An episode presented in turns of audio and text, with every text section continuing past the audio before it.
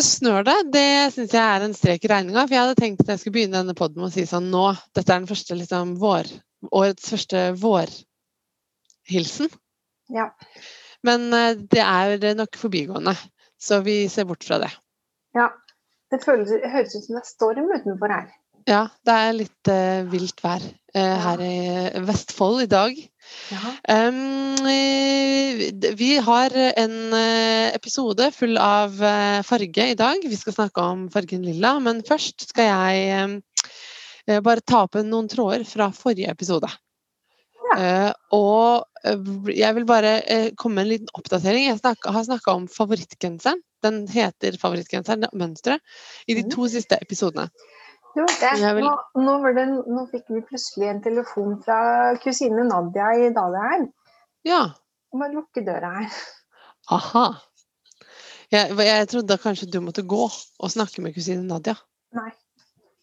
Nei. Bare så ikke det, det er ikke noe farlig at verden der ute hører på hva Nadia har å si, men det er kanskje ikke så interessant. Nettopp. Jo, i de to første forrige episodene så tror jeg jeg har nevnt favorittgenseren. Som altså ikke eh, jeg kaller favorittgenseren fordi det er min nye favorittgenser, selv om jeg liker den veldig godt. Men den, det er mønsteret som heter favorittgenseren. Og eh, jeg vil bare si nok en gang, jeg har sagt det før, men jeg sier det igjen, jeg liker ikke rundfelling.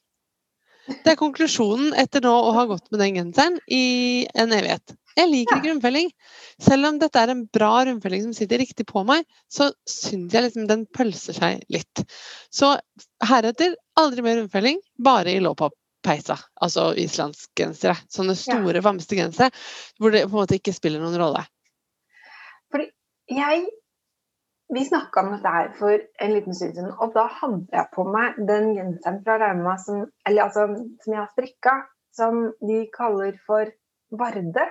Ja. Deres som heter Varde. Og den er liksom den, den, betyr noe spesielt for meg. Den er kalt Fredrik-genseren. For jeg begynte å strikke med den da jeg gikk inn i fødselen med Fredrik. Ah, uh, og den er veldig, veldig pen. den er veldig pen og er veldig ja, fin, fin genser. Men den er, den er, den er tøff kul, egentlig. Ja. Den har liksom Ja. spreke farger. Ja, den er, den var litt, de fargene ble jo veldig tilfeldige, for det var liksom det jeg fant i kurven. Og, ja. Men um, den sitter jo ikke på ordentlig. For jeg har sikkert da Jeg har ganske mye skuldre, på en måte. Mm. Og uh, den bare heiser seg opp. Hvis jeg bare begynner å liksom, tenke på å bevege meg, omtrent. Ja. Så ligger den som en pølse. Så jeg må liksom ta det inn i betraktningen og ha på meg litt lange trøyer under, for den vil ikke sitte. Og så tenkte jeg nei, rundfelling er ikke for meg. Og så tok jeg på meg en annen genser. Og bare, åh, så deilig, denne sitter så godt. Og så bare Den er jo jammen meg rundfelt, jo. Oi! Med masse Ja, ja. mønsterstrikk i rundfellingen, men den er tynnere og videre. Mm. Så jeg lurer på om du kan Det er vel kanskje noe med at de plaggene som skal liksom sitte litt inntil, at da funker det ikke, kanskje. Eh, Jeg vet ikke. Men den gode nyheten i hvert fall er at eh, raglan er supertrendy. Em, ekstremt trendy, faktisk. Oi, oi. Og PomPom, uh, altså magasinet og uh, The Publishing House, har akkurat uh, gitt ut en bok som heter Ready Set Raglan. Oi. Jeg har bare så vidt kikka på den på nett, og den så jo ganske kul ut.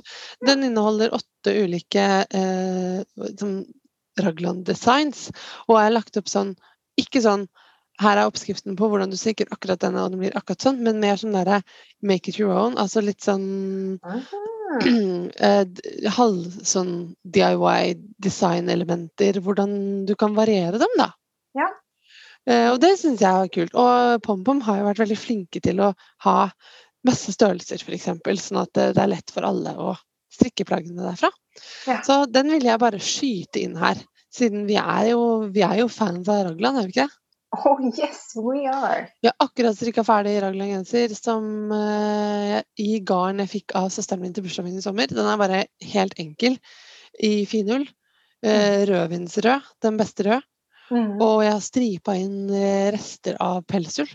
Mm. Og uh, gikk med den her i går og tenkte ja, den vet du, Raglan, den sitter. Ja, den gjør det. Den gjør det. Men apropos supertrend, så har eh, Elisabeth, eh, som jeg kjenner, påpekt etter å ha hørt vår episode der vi trendspaner og snakker om hva som var trendy i 2020. Ja. Bare Hvordan kunne dere snakke om hva som var trendy i 2020, og glemme vest? Og jeg bare Åh! Facepalm! Fordi ja, det var jo en greie, liksom. Eller vest, slipover, hva enn du kaller det, liksom.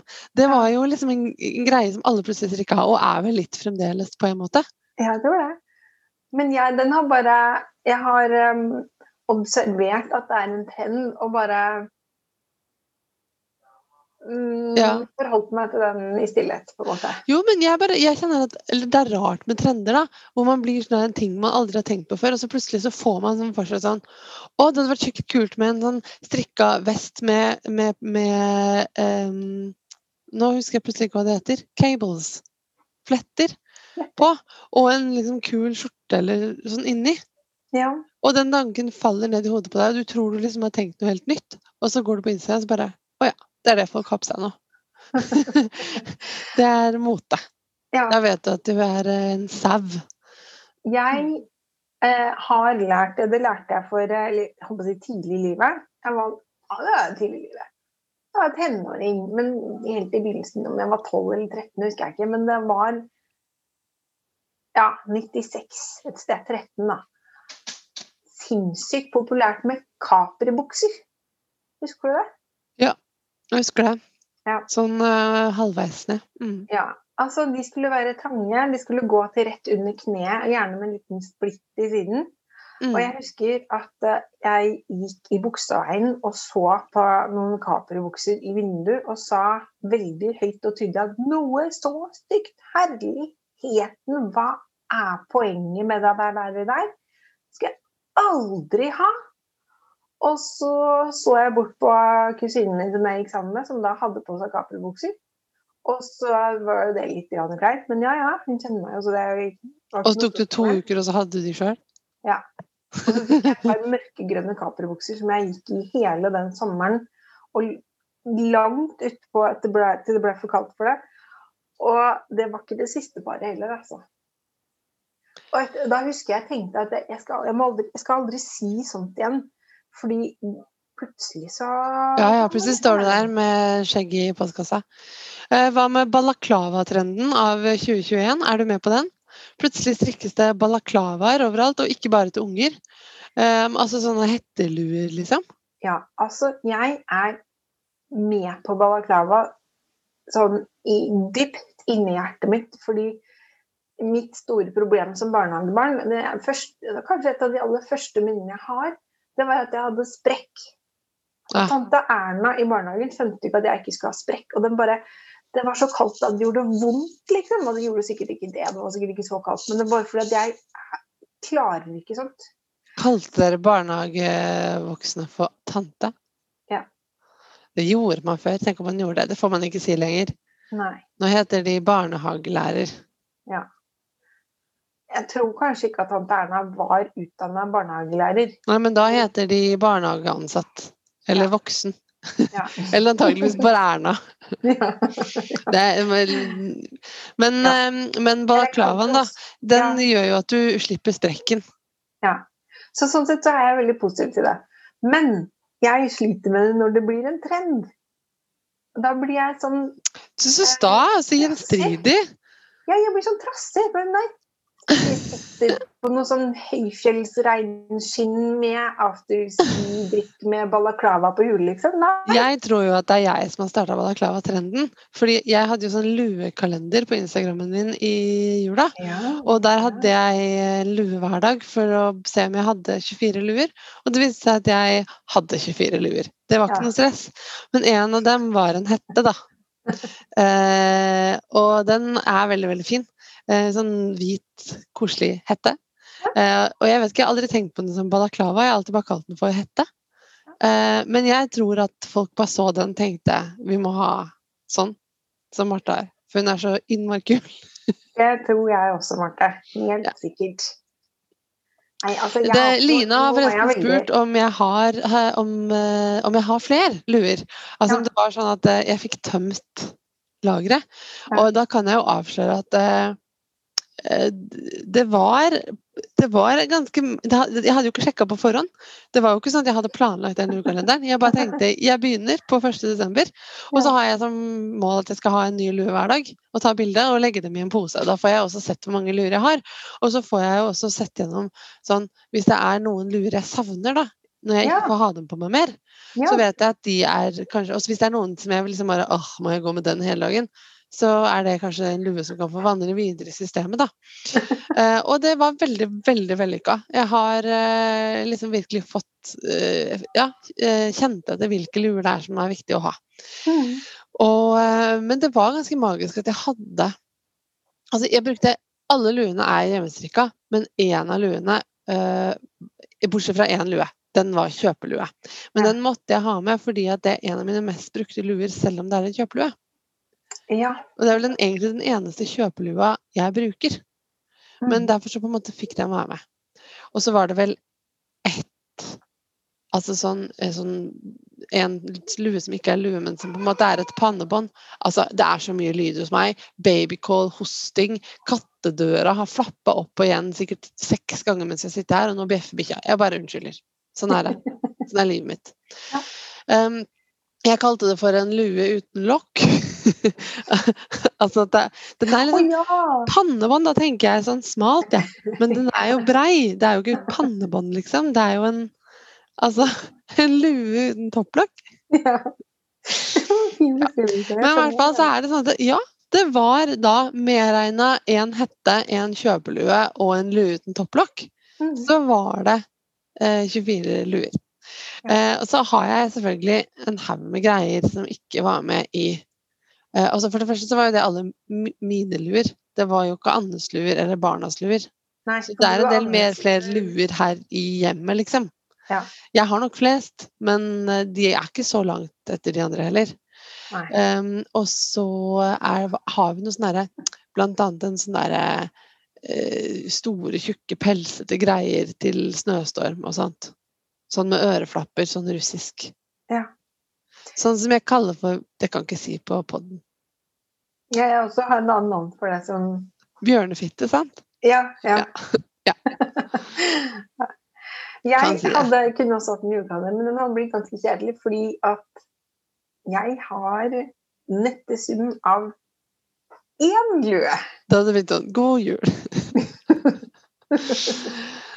ja ja. Men du, en annen trend jeg har spana, det er uh, stæsj-slanking.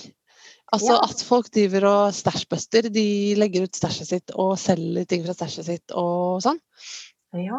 Jeg eh, tror det er korona sin skyld. Altså. Folk er mer hjemme, og de blir mer oppmerksomme på hva de har hjemme. Og så får de et ø, voldsomt behov for å nettshoppe garn. Og da må de kanskje kvitte seg litt med lageret. Det hjelper jo på dårlig samvittighet. Ja. Har du hivd deg på det, eller? Nei, altså jeg hadde jo Jeg, jeg hadde jo 2019 bruke opp skitten Ja. emneknaggen min, som jeg var veldig fornøyd med. Det altså, gjorde underverker for meg.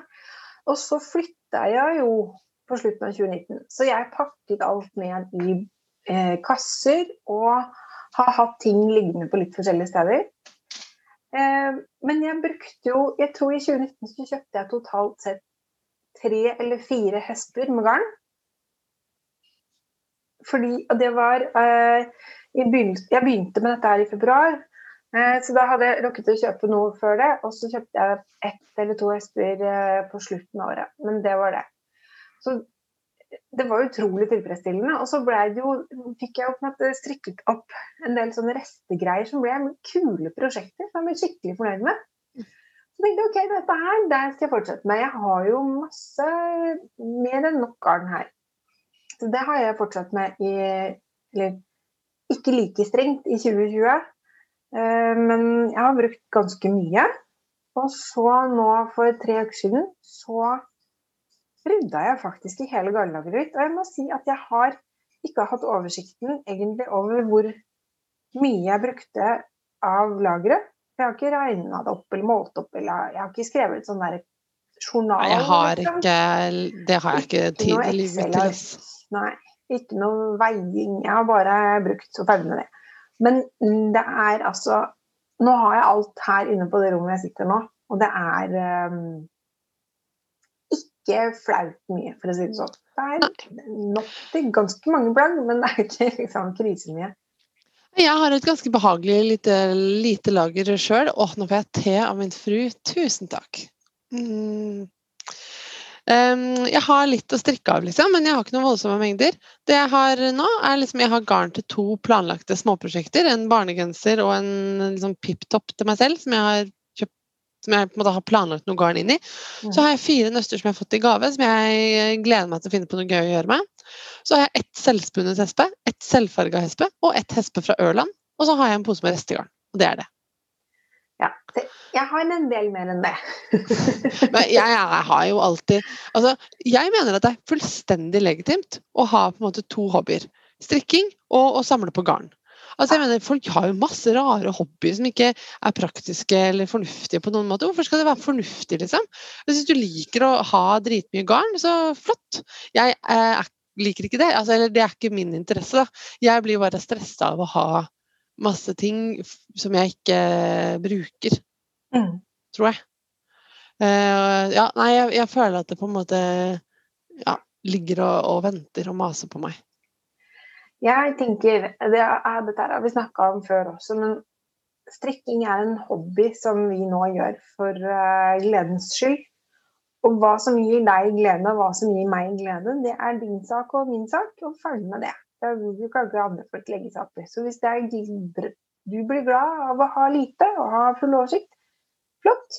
Hvis jeg blir glad av å ha medium, og noen andre blir glad av å ha en liten garnbutikk, Ja, ja, ja. Og det der med at det liksom er flaut å ha et stort stæsj, det må vi legge bort, ass. Det er sånn her eh, eh, Herregud. Hvem, det hva er det å være å styre med, liksom? Nei. Må bare, bare være ærlig om hvorfor du har det, da. Ikke, ja. Man trenger jo ikke være sånn her Jeg har alt dette garnet fordi jeg skal strikke av alt sammen eh, nå. Altså, det er jo helt urealistisk. Bare jeg liker å ha garn. Det er pent og deilig å ta på. Det er det jo. Enig i det. Og jeg liker eh, å ha restegarn eksempel liggende i skåler rundt og være dekorativt. Det er jeg helt enig i. Det syns jeg er veldig fint. Ja. Men du, én ting til før vi går videre til temaet vårt. Vi har eh, nemlig fått jeg, Vi snakka om eh, ord for rotter og vanter og hansker og, og alt man har på hendene i forrige pod. Ja. Og da sa jeg at ordet hanske kommer fra det gammeltyske ordet eh, for eh, Altså handschuhe, som betyr han, håndsko. Ja. Og, eh, det er et gammelt tysk ord, og det vandra til Norge for eh, Eller til eh, de nordiske landene for eh, veldig, veldig lenge siden. Men det var bare en som gjorde oppmerksom på at det heter fremdeles det på tysk. Jeg synes det var en, eh, Fordi jeg ikke kan tysk, så, så på en måte visste ikke jeg at det fremdeles heter det. Og det syns jeg var litt gøy, at tyskere fremdeles går rundt og snakker om håndskoene sine. Å, det er, det, er, det er jo fint, det var søtt, bare. Ja, helt enig. Men dagens tema, Marte, er fargen lilla. Ja. Oh. Har du noe å si om det, eller? Marte, jeg har Altså, da vi Åh, Nå ble jeg litt sånn gira igjen. Det det er ikke fullt Begynner Husker du da vi skulle snakke om fargen blå, og jeg skulle eh, farge håret mitt blått for anledningen?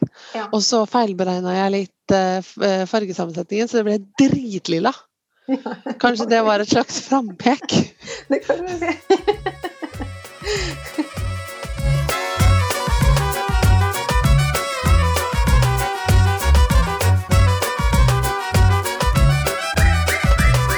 Jeg elsker farger. Altså For meg så er farger liksom bare lykke, glede. Det er meningen med liv. Liksom nesten der. Kanskje litt voldsomt, men altså, jeg føler sterkt for farger, Marte. Sterkt. Ja. Ja, det er alt som er liksom Det er fritt, det er mykt, det er all mulig sånn fine, koselige verdier. Ja, det tenker jeg. Og farger kan jo være voldsomt og sterkt også. Men så Jeg, måtte, jeg skulle finne research til dette her. Så jeg, jeg har den fine boka som jeg ikke finner i flyttelasset. Eh, så jeg har googla, så fant jeg Store norske leksikon. Altså, det er en synd, ikke en skam, men det er synd at man ikke har leksikon i bokform lenger. For dette her Å, kunne få bladd i disse sidene jeg fant her. Det hadde vært saker, altså. Bare hør her nå. Ok, dette er internett. Altså brødsmulestien til den artikkelen jeg endte opp med. Det er Store norske leksikon. Realfag, fysikk, fargelære, farger. Bare er det ikke fascinerende hvordan noe som er så fluff, fluff, gøy, tullete, kan være Det, det er fysikk. Realfag. Ja. Vitenskap. Og biologi noen ganger. Ja, Og kjemi, da. ikke sant? Og så fant jeg da en fantastisk artikkel som jeg skal snakke litt mer om etterpå. Skrevet av professor emeritus fargerforsker Torger Holtsmark på NTNU. Det er ikke noe tull. Nei, høres seriøst ut. Ja, ja. Men liksom, OK. Når vi snakker om lilla Vi bare bestemte oss for dette her og uten å egentlig utdype hva vi skulle snakke om. Så du vet jo ikke hva jeg har tenkt å si nå. Men Men- da du sa, foreslo lilla, så sa jo jeg apropos, Jeg føler at jeg snakka veldig mye om trend, men bare da sa jo jeg ja, lilla! Og vet du hva, det er supertrendy. Og min eneste kilde på at det er supertrendy, det er at Elise, som driver Frøken Dianas salonger på Grünerløkka, hun har lilla dilla. Og Elise er en sånn dame som når hun har lilla dilla, da vet du at det er det mest trendy som fins om noen måneder, liksom. Ja, nettopp. Så bare You heard it here first. Ja, ja, ja. Oh, you didn't. I heard it, Elise. Men uh, ja.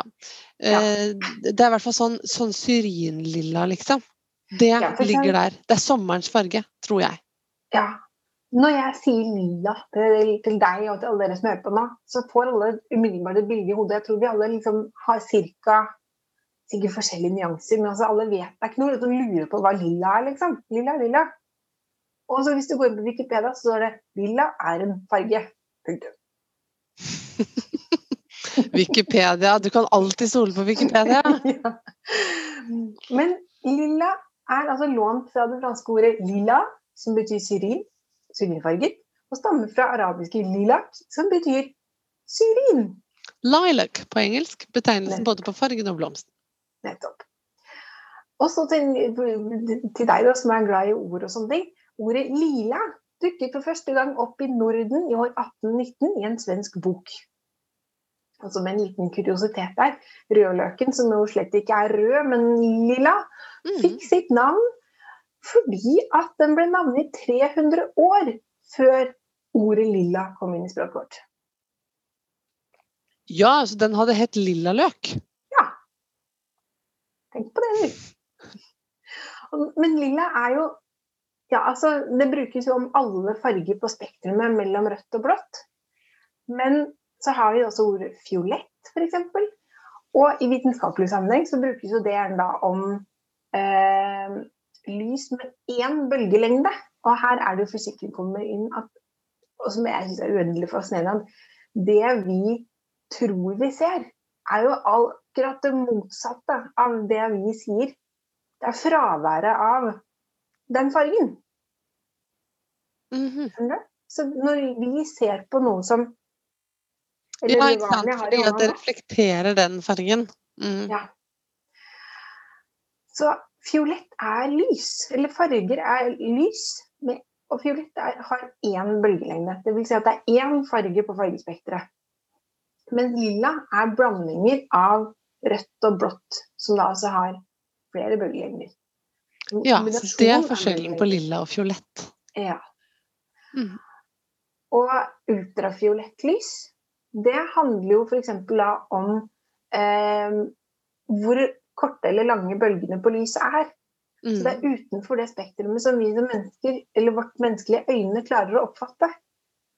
Eh, og det er altså lys med bølgelengde kortere enn 380 nanometer, for å være helt eh, eksakt. da. Det er det vi kaller ultrafiolett stråling, som er det vi prøver å beskytte oss mot fra sola Ja.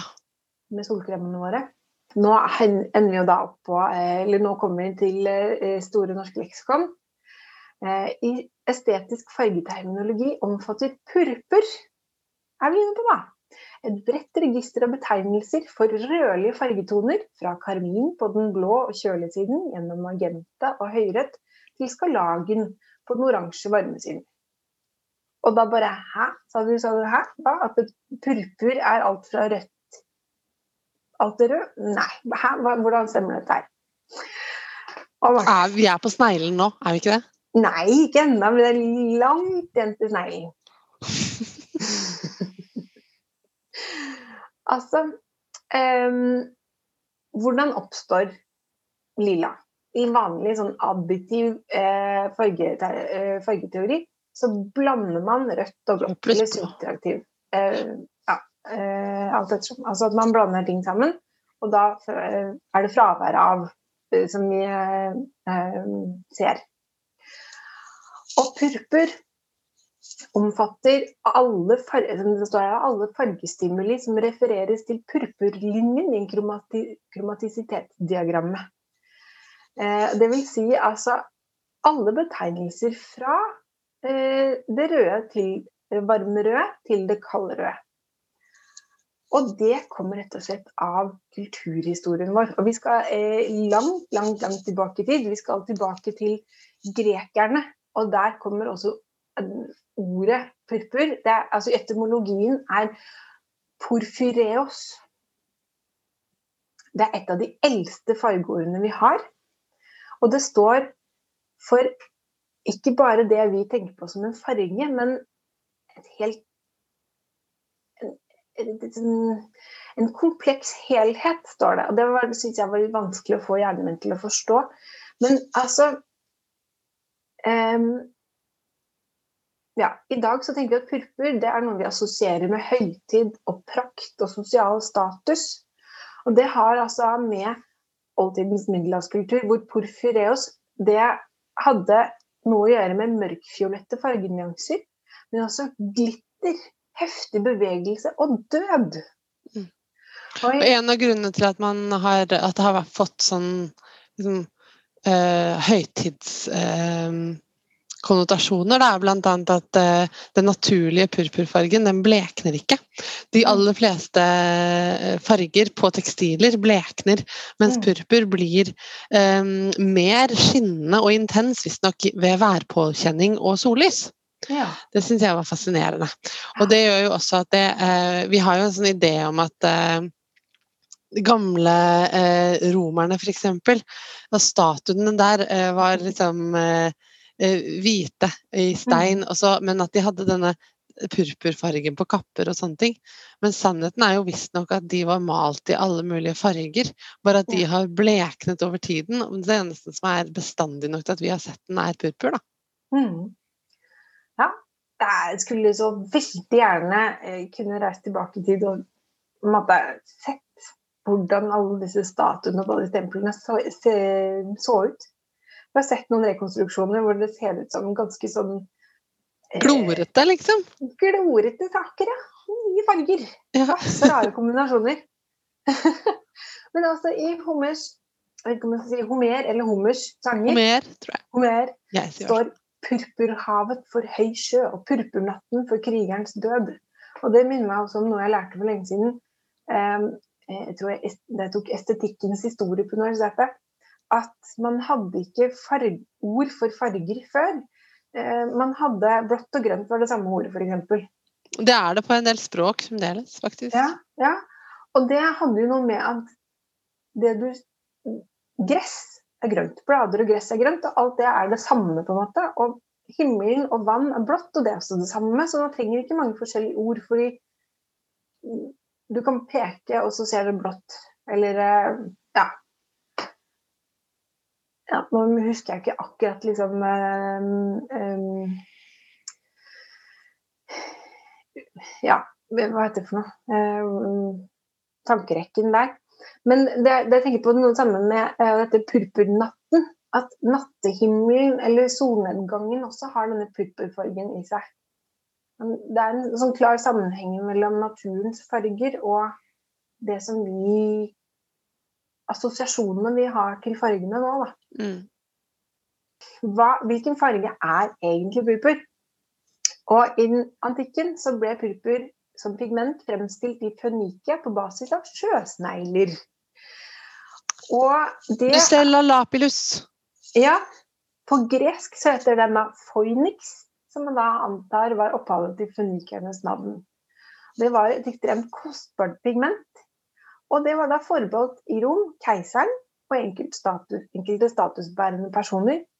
Eh, og det sies også da at eh, Kleopatra eh, Kleopatras yndlingsfarge var eh, fiolett eller purpur.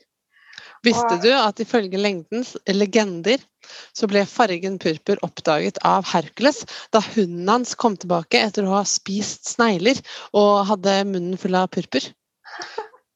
Fantastisk. Ja, for Sånne ting har jeg lurt på mange ganger. Men hvordan har man funnet ut at veide blir bra hvis man bruker manneurin f.eks.? Veldig mange sånne ting. Det er sånne happy coincidences. Altså ja. sånn som gravlaks, liksom. Noen gravde ned en laks for at den skulle holde seg bedre, og så glemte de den. Ja. Og så gravde de den opp igjen, og så var den helt super. Sant? eh, rakfisk. Noen tenkte hva skjer hvis vi prøver å spise denne fisken som lukter død og fordervelse? Og det gikk helt fint. um, Bortsett fra når det ikke går helt fint, da. Uh, ja. Men uh, ja, tenk, det må være sånne ting. Litt sånn uh, Man trodde det var fargebadet.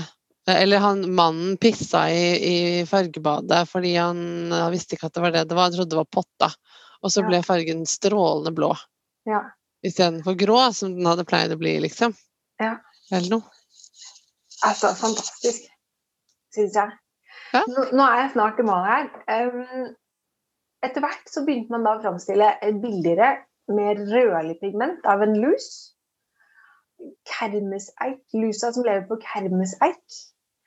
Uh, og det ble, uh, ble, lå på den røde siden av purpur og ble kalt skalagen, eller på gresk kokos. Ja. Morsomt ord, da.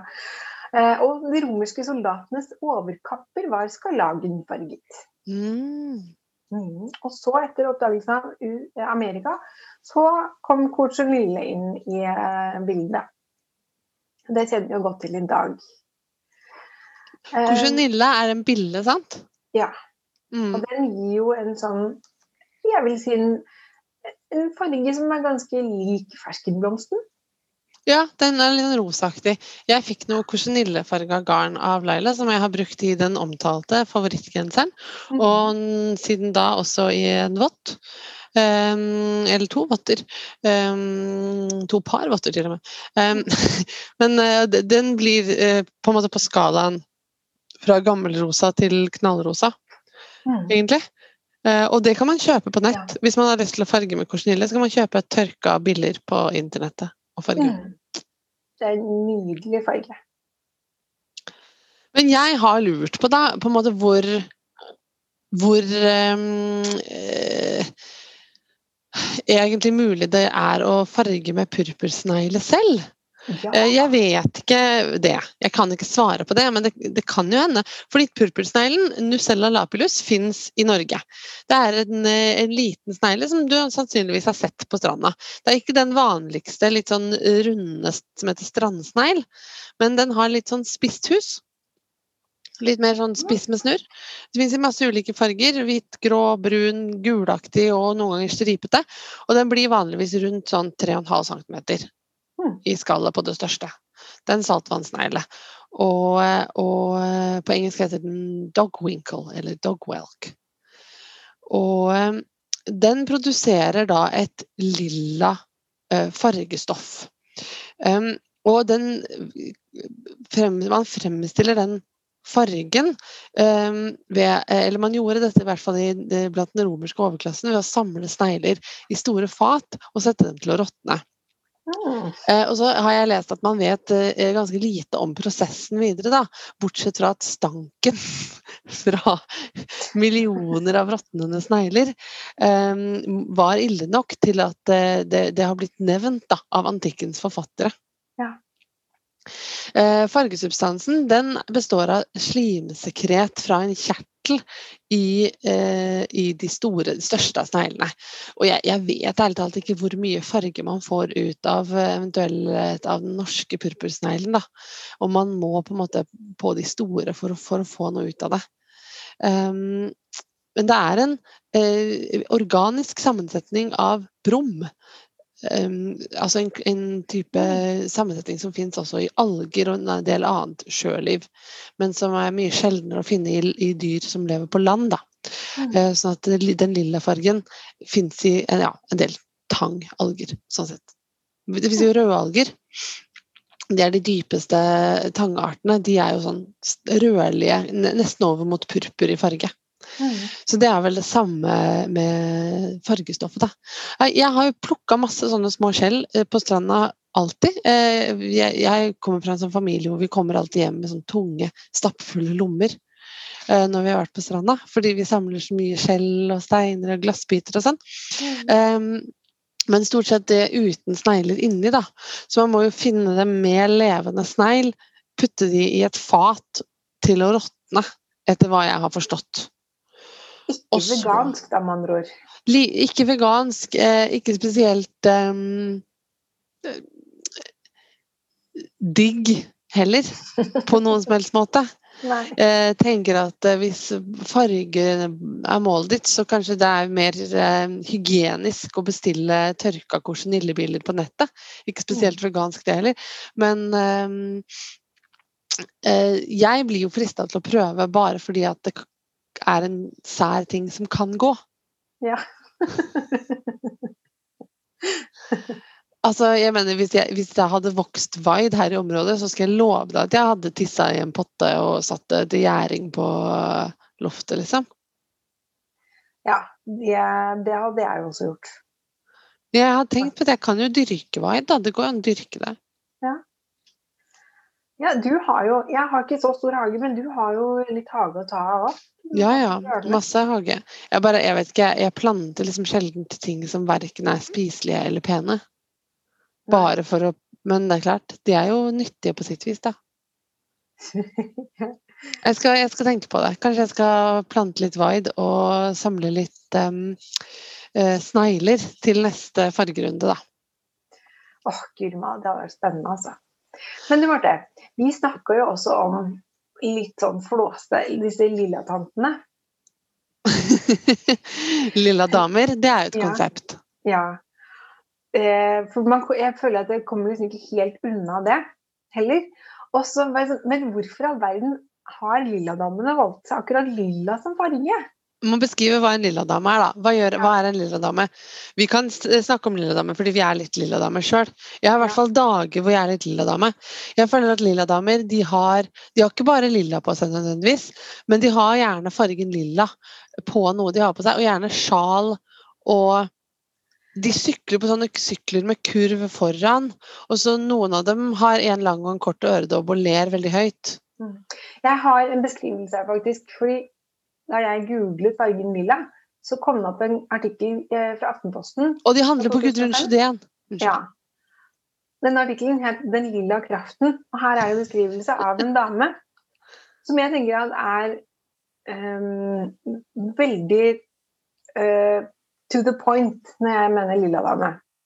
Og dette her sier jeg ikke med noe snev av fordømmelse, fordi at jeg er der selv.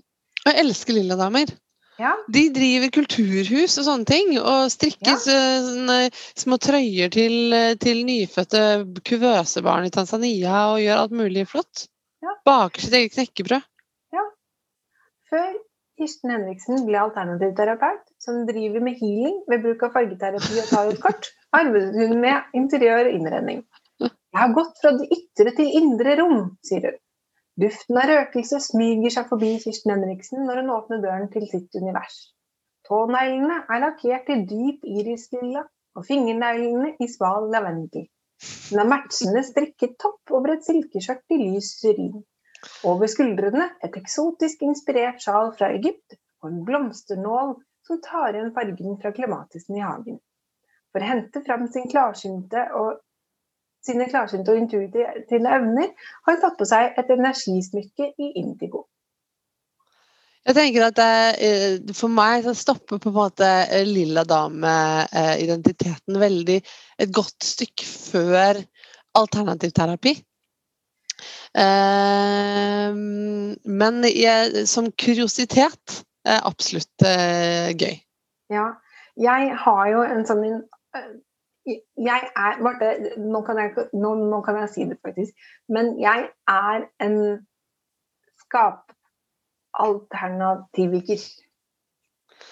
Ja, bare du ikke tar uh, homopatmedisiner istedenfor uh, uh, ekte medisiner når du er syk, så er det helt greit. Ja, nei, det, der, det kjenner, der kjenner jeg også litt uh, Jeg har en liten sperre der. Men altså, ja. Det er godt å høre. grunnen til lilla-valget for disse menneskene som altså, Grunnen til at folk kanskje identifiserer seg litt med denne fargen, det har kanskje noe med eh, følgende Ametyst er en kvarts i fiolett. Veldig fin stein. Og innen astrologi er den vannmannens stein som gir mot til å ta store beslutninger. Den gir åndelig inspirasjon, styrker det visjonære og beskytter mot dårlige energier. Ametyst virker rensende på kropp og sinn, beroliger et nervøst gemytt og demper et voldsomt temperament. Ametyst får deg til å vende blikket innover og søke etter den egentlige årsaken til uro. Um, og så en, et lite um, uh, hint, eller hint og hint. Um, Because it's the age of Aquarius. Age of Aquarius, Aquarius. Nydelig. Ja. ja. Jeg kan spare dere for resten. Men du skjønner, det er jo uh, musikalen Hair. Ja. Og 70-tallet, eller 68 er det er snakk om her, som gikk inn i dette her, altså. Det er da, det er det, det er da Lilladamene ble født? Ja, eller det var da de var unge, kanskje? Ja, da The original lilla damer. Som gjaldt, ja. Jeg skjønner. Og lillaskjerf fra Sigrun Bergs vevstue i Damsbredt i Oslo ble et symbol på venstreradikalt ståsted på 60- og 70-tallet. Eh, og det var hippiefarge nummer én. Ja. Hvem du, har lillafarget Sigrun Berg-sjal? Du. Jeg. Ja. Og hvis vi har flere andre lyttere som også har ascendanten sin i Gudrun Sjødén, så kan det hende dere også er lilla damer, bare at dere ikke har oppdaget det selv ennå. Ta en titt i speilet og se etter om du har en lang og en kort øredobb. Og hvis du har det, så tenker jeg at da er diagnosen eh, satt lilla dame.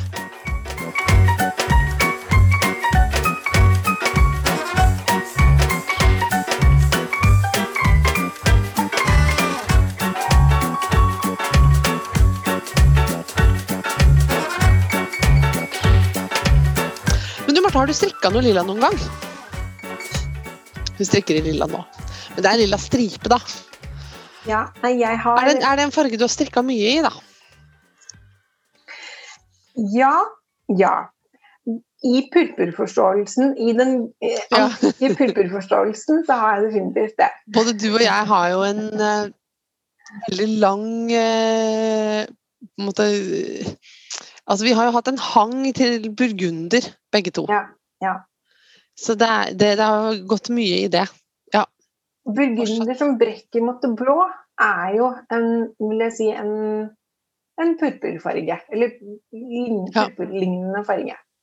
Eh, strikket veldig mye i det. Det er mørkt, da. Og så har jeg jo Ja. Jeg har flere jakker. Jeg strikket det.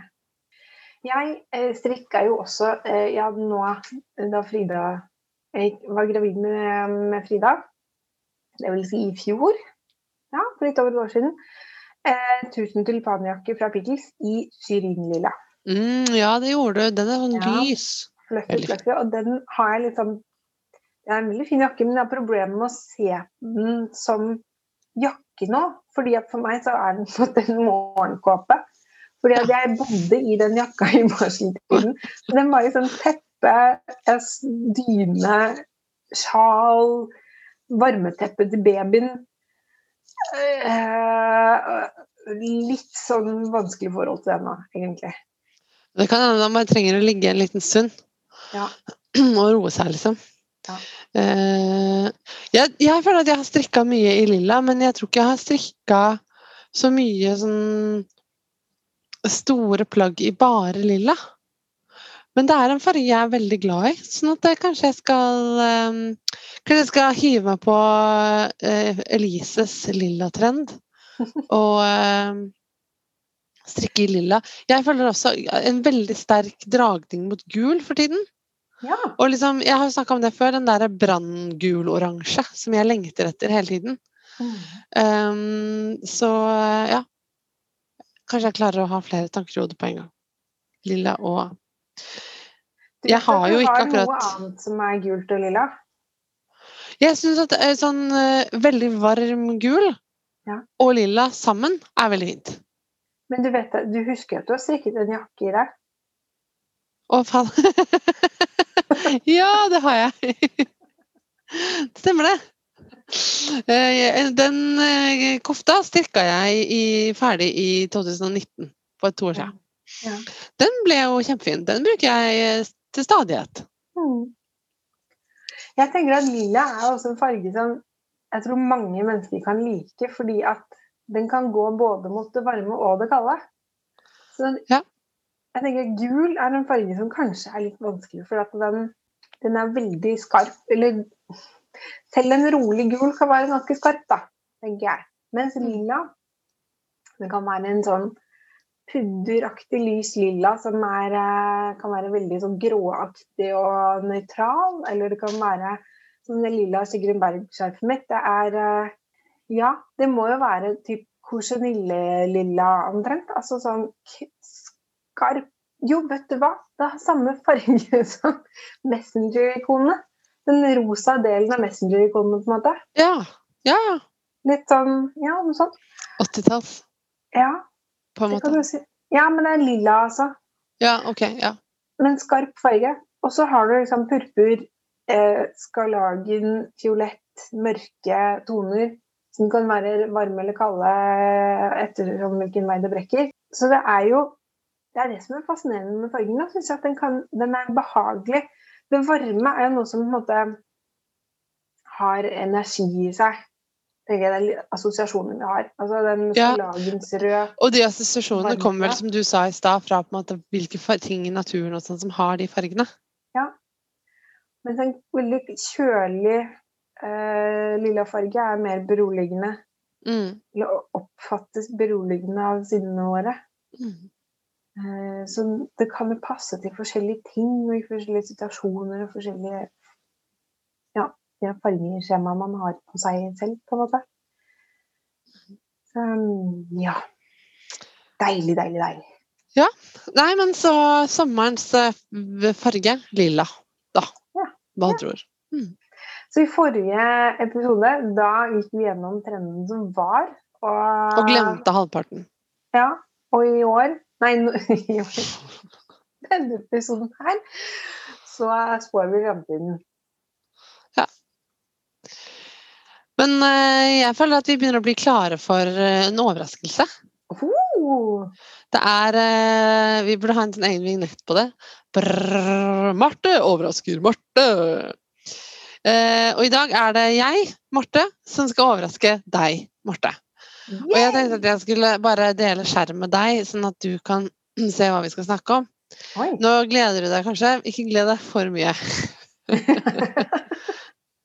Eh, Men jeg skjønner ikke de som ikke liker overraskelser. Er sånn, jeg klarer ikke å sette meg inn i den følelsen av å nei, kommer det overraskelse? Jeg, bare, jeg føler at nå kommer julaften, liksom. Oi, jøss.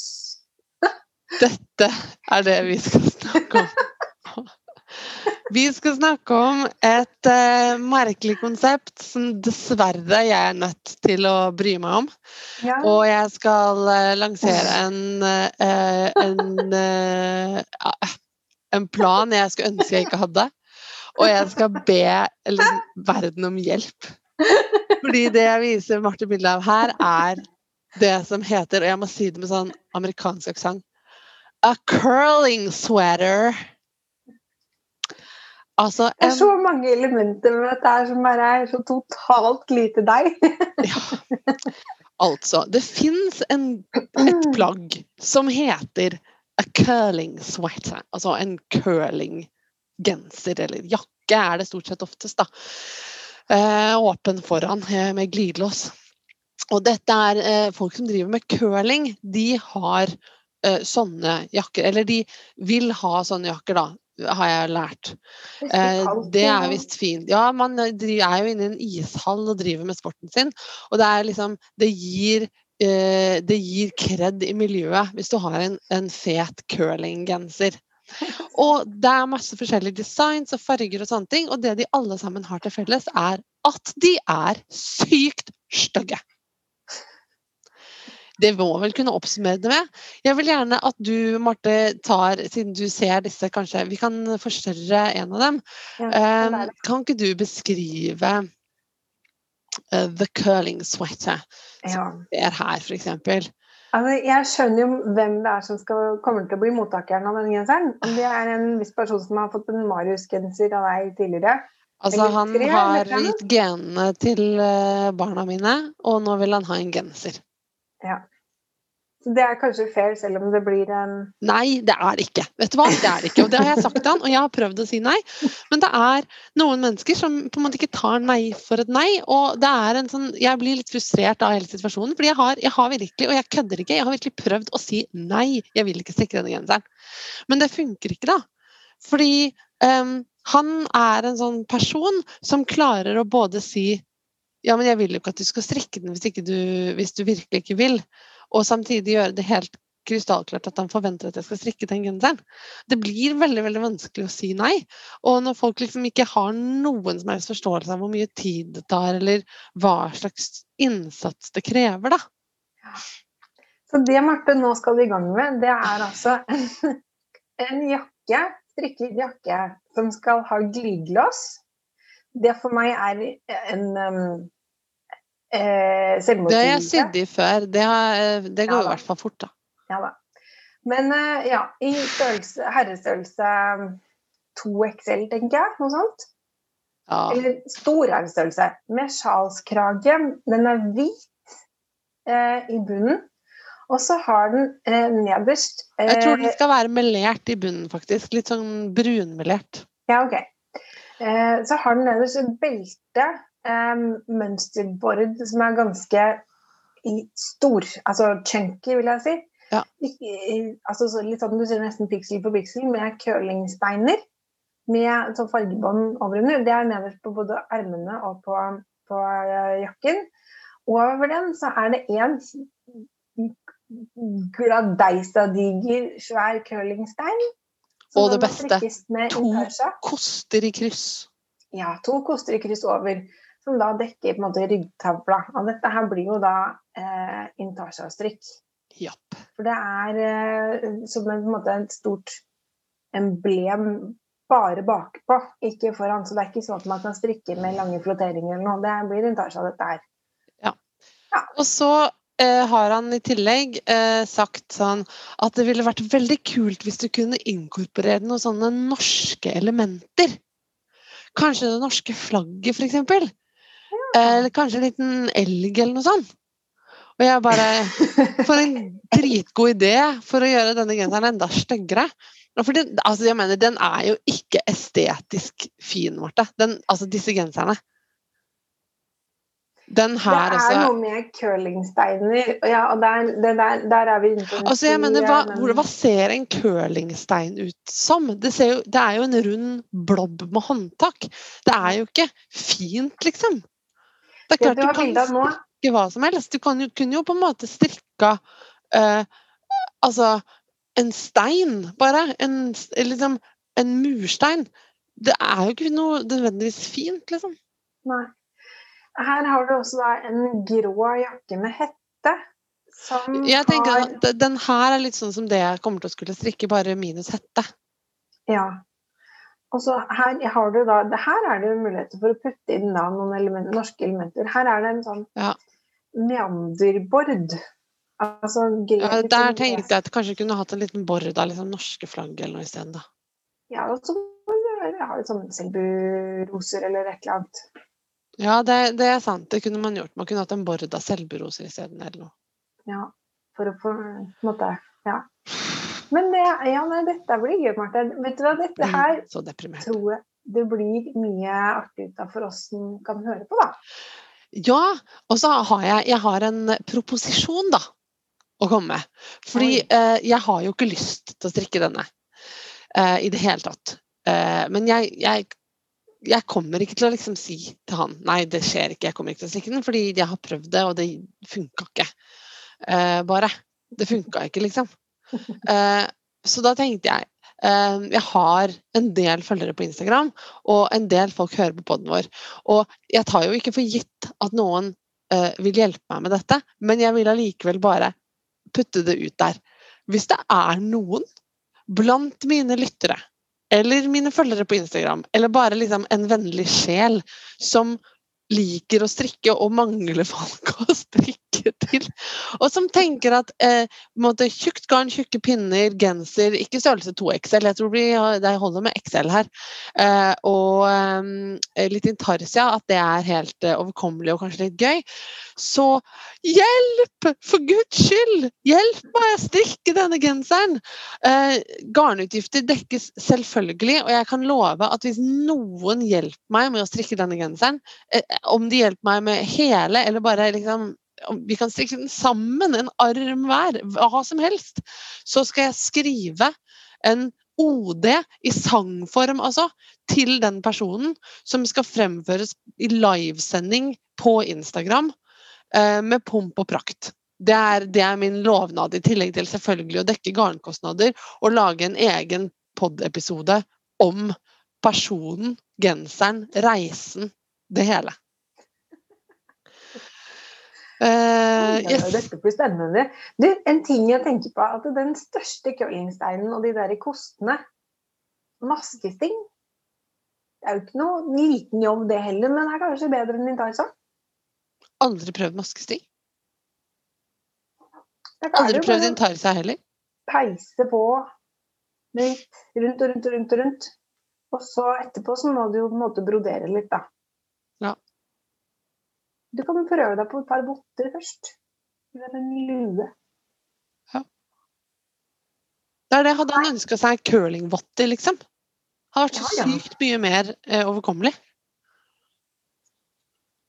Ja, men grunnen til at jeg tar det opp som eh, Marte, overrasker Marte denne gangen, er fordi at eh, da er det jo ikke så lenge siden han var her på besøk. Og da kom han med eh, målbånd. Og nå skal du ta mål av meg til den genseren her. Så da er vi der, liksom. Og han hadde sett på en masse designs, og så kom med masse ønsker, da. Mm. Og jeg kjente at jeg bare ville synke ned i gulvet. Jeg liksom vurderte å liksom Kan jeg på en måte brekke begge armene? Så jeg slipper. Jeg kan jo knekke bindene dine hvis du vil. Det eneste problemet er at da kan jeg jo ikke strikke noe annet heller. Nei. Og da har du tre unger og Ja, det er upraktisk, altså. Upraktisk. Ja. Nei, men du Jeg gleder meg til dette. Dette blir gøy. Ja. Nei. Ja, men jeg har fall jeg har lagt ut kontaktannonsen min Ja. sant? nå i podform. Jeg må jo legge den ut på Instagram også. og være sånn, Hvis du vil ha en episode dedikert til deg selv, eh, og en eh, OD til din person og dine strikkeevner og ditt store hjerte eh, på live på Instagram av meg Jeg lover at jeg skal spille minst to instrumenter. Um, så ja, ja, ja, altså her eh, Og kanskje en av dem er blokkfløyte. Jeg vet ikke. Men det, jeg, kan, jeg stiller med alt jeg har av, eh, av altså pris, prisene, eller talenter. Og, s- og så er det bare å, å melde fra om du kan bidra. Altså, det finnes jo eh, mange fine folk der ute som strikker av forskjellige grunner. Og det er jo folk som strikker på bestilling, ja, som kanskje ikke har noe imot. alt. ja. Han har jo også eh, ymtet da frempå med at han jo, blir veldig varm og han er ikke så glad i ull, så han lurte på om jeg kanskje kunne strikke noe som ikke klør. Og da slo jeg bare hånda i bordet og sa nei! Det var bra, Marte. Hvis jeg skal lide meg gjennom dette drittprosjektet her, så skal jeg i hvert fall ikke strikke noe annet enn ull. Det kan du bare glemme, sa jeg. Ja. ja ja. Man gir og tar litt. Ja. Ja. Verst er at man kan jo bestille dem på nett, vet du. Ja. Men den det, Hvorfor, hvorfor er vi her da? Ja, nei, for han vil jo at den skal være hjemmestrikka. Autentisk, liksom. Ja, det er noe med det. Sånn at eh, jeg, jeg vet ikke Hvis jeg bare bestiller en på nett og sier at jeg har strikka den, jeg blir liksom redd for å bli avslørt, da. Mm. Jeg skjønner, jeg skjønner. Uh, og jeg, altså, jeg mener, jeg har ikke tenkt hvis, det, hvis jeg hadde fått noen til å strikke den for meg, så har jeg ikke tenkt å ljuge og si at det er jeg som har strikka den. Da har jeg Nei. tenkt å si at uh, jeg uh, Hva heter det igjen når man setter bort arbeid man ikke vil ha selv? Ehm, Sånn som selskaper gjør, hvor de har produksjonen sin i Kina og sånn. ja. Altså, i byggesaksspråk, underentreprise. Vi kaller det det for nå. Ja, underentreprise. Det, det er det. Altså, jeg, jeg, ville, måtte, jeg vil være ærlig om, om, om hjelpen hvis jeg skulle få hjelp. Ja, ja. Um, og si at på en måte jeg måtte, jeg måtte rett og slett sette dette bort, for det var for mye for meg. Ja. Det er jo uansett en ære, da. Da er det jo mye omtanke fra mange mennesker eventuelt som kommer inn i den der Ja, tenk hvis man kunne liksom eh, Hvis noen kunne påta seg å ta en, en arm, eh, et erme heter det, Ja. eh, og så kan, kunne noen ta på seg det andre ermet, eller enda bedre hvis noen kunne ta på seg å ta hele den jævla bolen med de stygge kladdene på. Du selger det ikke sånn kjempegodt inn akkurat der. Sånn. Nei, jeg. gjør jo ikke det, men eh, folk liker jo de rareste ting, liksom. Jeg mener Ja, det selges etterskitne jeans, liksom. Folk liker ting som jeg ikke forstår at man kan like. Men ja, ja, eh, hva ville du gjort da, Martha? Jeg tenk, altså, når jeg tenker konstruksjon, så har jeg tenkt liksom jeg har sett, Det er noen ulike eh, varianter her. Noen er raglan. Noen er har isydde ermer med drop shoulder. Eh, jeg har faktisk tenkt tanken at kanskje det letteste er å strikke den i deler og sy den sammen. Altså strikke ryggen og strikke de to frontpanelene og strikke ermene. Fordi at eh, en genser i den størrelsen der, man kan jo ikke ta den med seg rundt. Mm. Så jeg skjønner liksom ikke helt når jeg skulle fått strikka på den da. Så jeg tror kanskje det er lettere å bare strikke bit for bit, altså. Altså når man strikker inn tersa, da, så er det jo eh, Du får ikke gjort det rundt, tror jeg. Nei. I så fall er det innmari kløn. Så jeg, det taler jo for å strikke fram og tilbake i seg selv. Ja. Så jeg er med på det. Men det Her er det altså da en, også, fordi at den hvite den er sånn naturhvit i bunnen. Og så siden steinen er grå, så er det mørk grå med en rød stripe på midten. Og så er det her kostene som har noe sånn grågrønn farge. Det er noe innmari dølle farger. da. Kunne ikke hatt liksom Jo, Litt det sånn tror jeg at jeg kan få gjøre akkurat hva jeg vil med, skjønner du. Kan du det? Ja. Ja. For da hadde jeg klina til med litt sånn gøyale farger, da. ja, og i og med at han har bedt om litt sånn inkorporere norske elementer, så kanskje rødt, hvitt og blått, liksom. Eh, hvis man har en um, rolig Men nå ser jeg det, Marte. Kostene, de er jo sånn lange rektangler. De har jo norsk flagg i seg. Ok. Ja. Så kan, og så tenk da, når du uansett skal strikke en dasha, så kan jo hver stein ha forskjellige farger. Det kan bli en fest dette, Marte. ok. Ja, ja. Da tar du regnbuesteinene, vet du. Så blir det én stein i alle regnbuens farger. Og så den der store kladeisen midt på. Frista til å si lilla, altså. Hvorfor ikke? Og så har du norske flagg på kostene sine av deg. Åh, Marte, Marte. Jeg vet ikke. Jeg veit ikke.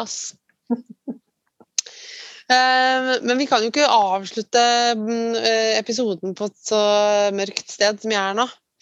Så jeg får bare stramme meg opp. Med eller uten hjelp så skal nok dette skje på et tidspunkt.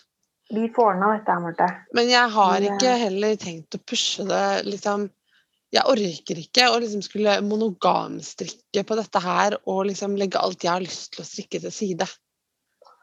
Jeg syns det hørtes ut som en veldig god idé å strikke dette her bit for bit. Og hva sa du? Å strikke dette her? Bit for bit. Ja, nei, jeg tror det òg. fordi altså, det å montere er jo eh, Da er du, har du på en måte strikka bitene. Og at da, det som er fint, er at da får du litt sånn struktur også. Oi, Mm. hva gjør du, Pus? Du må ikke klore i veggen. Ja. Eh, nei, så eh, Neste steg i prosessen blir jo da å gå ut og kjøpe garn eh, eller noe. Men eh, foreløpig kan jeg jo ikke gjøre det, for det er jo lockdown i Vestfold. Og det kan man jo trøste seg med, da. i hvert fall. Men pinne åtte? Ja, den oppskriften jeg klikka inn på nå, har eh, pinne åtte. Da går det jo gøyslende fort, da. Ja, ja. Men du, det er litt oppløftende. ja, ja. Man skal bruke balkejarn, rett og slett. Ja. Ja, For det er jo en stor, tjukk ytterjakke, liksom. ja, ja. Ok, men det er litt bedre. Jeg hadde tenkt å bruke Rauma Vams, ja, men det er kanskje for tynt, det, da. Ja, det blir for tynt, det da, vet du. Så må du ha dobbel, da. Nei, det blir tungt, da. Ja, det kommer til å veie 40 kilo. Mm. Blåne. Ja, det tenkte jeg òg. Pelsull. Nei, men han kommer til å klø seg i hjel. Det er ikke noe Det må være et eller annet sånn drops-dritt. Hører du optimisten? Ai, ai, ai. Altså, ja, nei, vet du hva, det er en annen sak. Da. Jeg tenker at den nøkken blir fryktelig tung. Så jeg hadde jo tatt vanns og kanskje noe pus, men han vil kanskje ikke ha pus. Ja, vi ikke har pus, vet du. Nei, men du Marte, dette her blir veldig spennende å følge med på. Vi, eh, jeg gleder meg veldig. Hvis jeg, ja, hvis jeg gjør dette, så får han aldri noen ting igjen. Han får knapt middag når han kommer på besøk, liksom. Det er ferdig med å lage ting til en mann. Åh, altså, jeg har fortsatt dårlig samvittighet fordi at jeg, eh, Robbie han spør meg eh, Altså min eh, barnefar, da, på en måte. Han spør meg hele tiden skal du ikke strikke noe til meg, da. Han er jo, han er jo i hvert fall liksom mannen din, da. Ryan er jo ikke liksom Han er jo bare barnas far. Han er jo ikke noe for meg, holdt jeg på å si. Nei, da burde jeg jo kanskje enda mer strikka noe til han. da. Jeg eh, har jo ikke lyst til det. Og så sier jeg ja, da, ja, da skal vi finne noe gøy, da. Du kan strikke sånn der, den sekule, den pikkelsgenseren som du kjøpte mønster til, som du skulle strikke til deg og Frida. Å ja, Færagenseren. Ja, Færagenseren. Den så veldig fin ut. Den er også fin på en mann, da.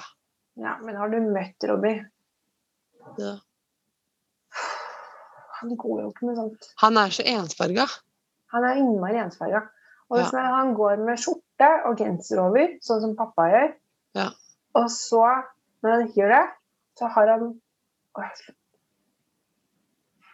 jeg har kasta noen ting. De forsvant liksom i flyttelasset. Ja. Det er fortsatt én igjen, og den tør jeg ikke å ta fram, for at den er på en måte Altså ikke for å avsløre ting her i lockdown-huset mm, og pappaperm, men det er den ene genseren det går i, på en måte. Og den eh, Vi skumpa borti hverandre, så den har kaffe på magen. I en sånn jeg vil si tareform. Og i dag så Det er jo hettegenser med en snor, så mista den ene snora oppi kaffekoppen, så den er altså gul. Og så Jeg vet ikke, det er så mye rart av altså, Har man babyer, så får man jo matrester på seg uansett. Så Ja, ja, ja. det er jo mange lag. Det er jo noen år der hvor man ikke Ja. jeg, altså, Mitt triks er bare å gå med forkle hjemme. Forkle, ja. Jeg går med forkle hele tiden. Jeg tar på meg forkle når jeg kommer fra jobb. Gjør Det er sant. det? Den har lomme, så også putter strikketøy i lomma. Går rundt og Ja, strikker i forkle. Ja. Det var lurt. Forklekjole? Jeg har det også. forklekjole? Jeg har to forklekjoler som jeg går med. Så lurt. Ja. Det er noe å lære av disse formødrene våre, altså. Ja, ja, men. Da slipper du å vaske genseren din så mye. Mm. Kanskje skulle gjort det. Eller så kan man bare gå med ullplagg hele tiden, for da kan man børste av det aller meste. Ja. Men ikke kaffe. Jo. Det hender det lukter litt kaffe, men det gir seg etter et par dager. Det går så fint, det. Votte, vottestrikket mitt forresten eh, raser videre. Jeg har strikka enda et par votter. Og så har jeg gjort en forferdelig ting i dag. Jeg hadde ikke, nei, vi har jo, det er jo lockdown, så jeg jobber hjemmefra. Men jeg måtte skrive ut noen ting i dag, så jeg måtte kjøre på jobben for å skrive ut ting. Og da tenker jeg oh, da skriver jeg et mønster på hekking en fyr som jeg strikker på. Eh, for det er så slitsomt å se på mønsterdiagrammet på mobiltelefonen. Og så dro jeg på jobben, og så skrev jeg ut mønsteret. Og mens jeg skrev ut mønsteret, så la, lå strikketøyet med hekking en fyr liksom på pulten min på jobben. Og så dro jeg bare hjem igjen, og da har jeg noe mønster. Men votten jeg trykker på, ligger da igjen på kontoret. Å nei, å nei, å nei. Men eh, så, så, så har jeg liksom felt av babyteppet til eh, min søster. Er eh, omtrent klar til å poppe hvilken dag som helst. Oi. Og da ble det babyteppe, og det ble ferdig i dag. Og nå har jeg lagt opp nederst på armen til hønsestrikkgenser. Oi. Til eh, Tomine.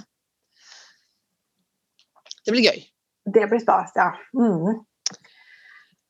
Eh, jeg, da du sa dette blir åtteåret, så tenkte jeg mm, dølt. Og så sa jeg å, så gøy. eh, det er ikke det at det er noe gærent men det er jo det problemet at man må strikke to av dem. Men så kom jo du med Garnomeras enkle vantar, Yes, yes. og jeg har eh, strikket nå flere par. Så bra. Og Jeg jeg tova et par av de i dag. De er Ja. strikka i Rauma Vams, altfor store, så toa jeg de, og nå er de sånn tjukke og tette og gode. Ja, vi, jeg eh, strikket jo et par med votter til Fredrik til barnehagen. I det blå garnet som vi farget i blå-episoden. mm. Som er eh, litt crazy. Og så tenkte jeg kanskje de ikke blir borte, for de er, de er jo nesten selvlysende blå, liksom. Ja. De har ikke blitt borte. Og nå har de nei, det gjelder gjelder å sånn ta å ha, uh, strikke ting som folk ikke tenker at er noen andres. Eller Ja. som folk ikke tenker at det er sitt. Så jeg tenkte han trenger flere votter, og nå, ja, nå er det kaldt igjen, da. Så jeg har strikket da i uh, garn fikk av Laila Værbit, Værbit Laila, -hmm. for helt i begynnelsen, som er like rosa som det blå var blå. Og strikket de i størrelse som passet. Det var litt store til meg, og så tova jeg det, så de blir helt sånn De står av seg selv nå. Og jeg husker Um, det garnet, faktisk. Ja. De ble veldig kule, faktisk. Jeg skal legge ut på Instagram, så dere kan følge med på tovinga, for det var ganske spennende. Kult. Mm. Jeg tror vi skal kalle denne episoden eh, en eh, ferdig episode. Ja. Og eh, gå og spise kveldsmat. Det skal jeg i hvert fall. Å ja. Eh, strikk lilla, og følg oss på Instagram eh, og sånn. Så eh, strikkes vi igjen ganske snart. Ja. Yes. Ha det, Marte. Ha det, Marte.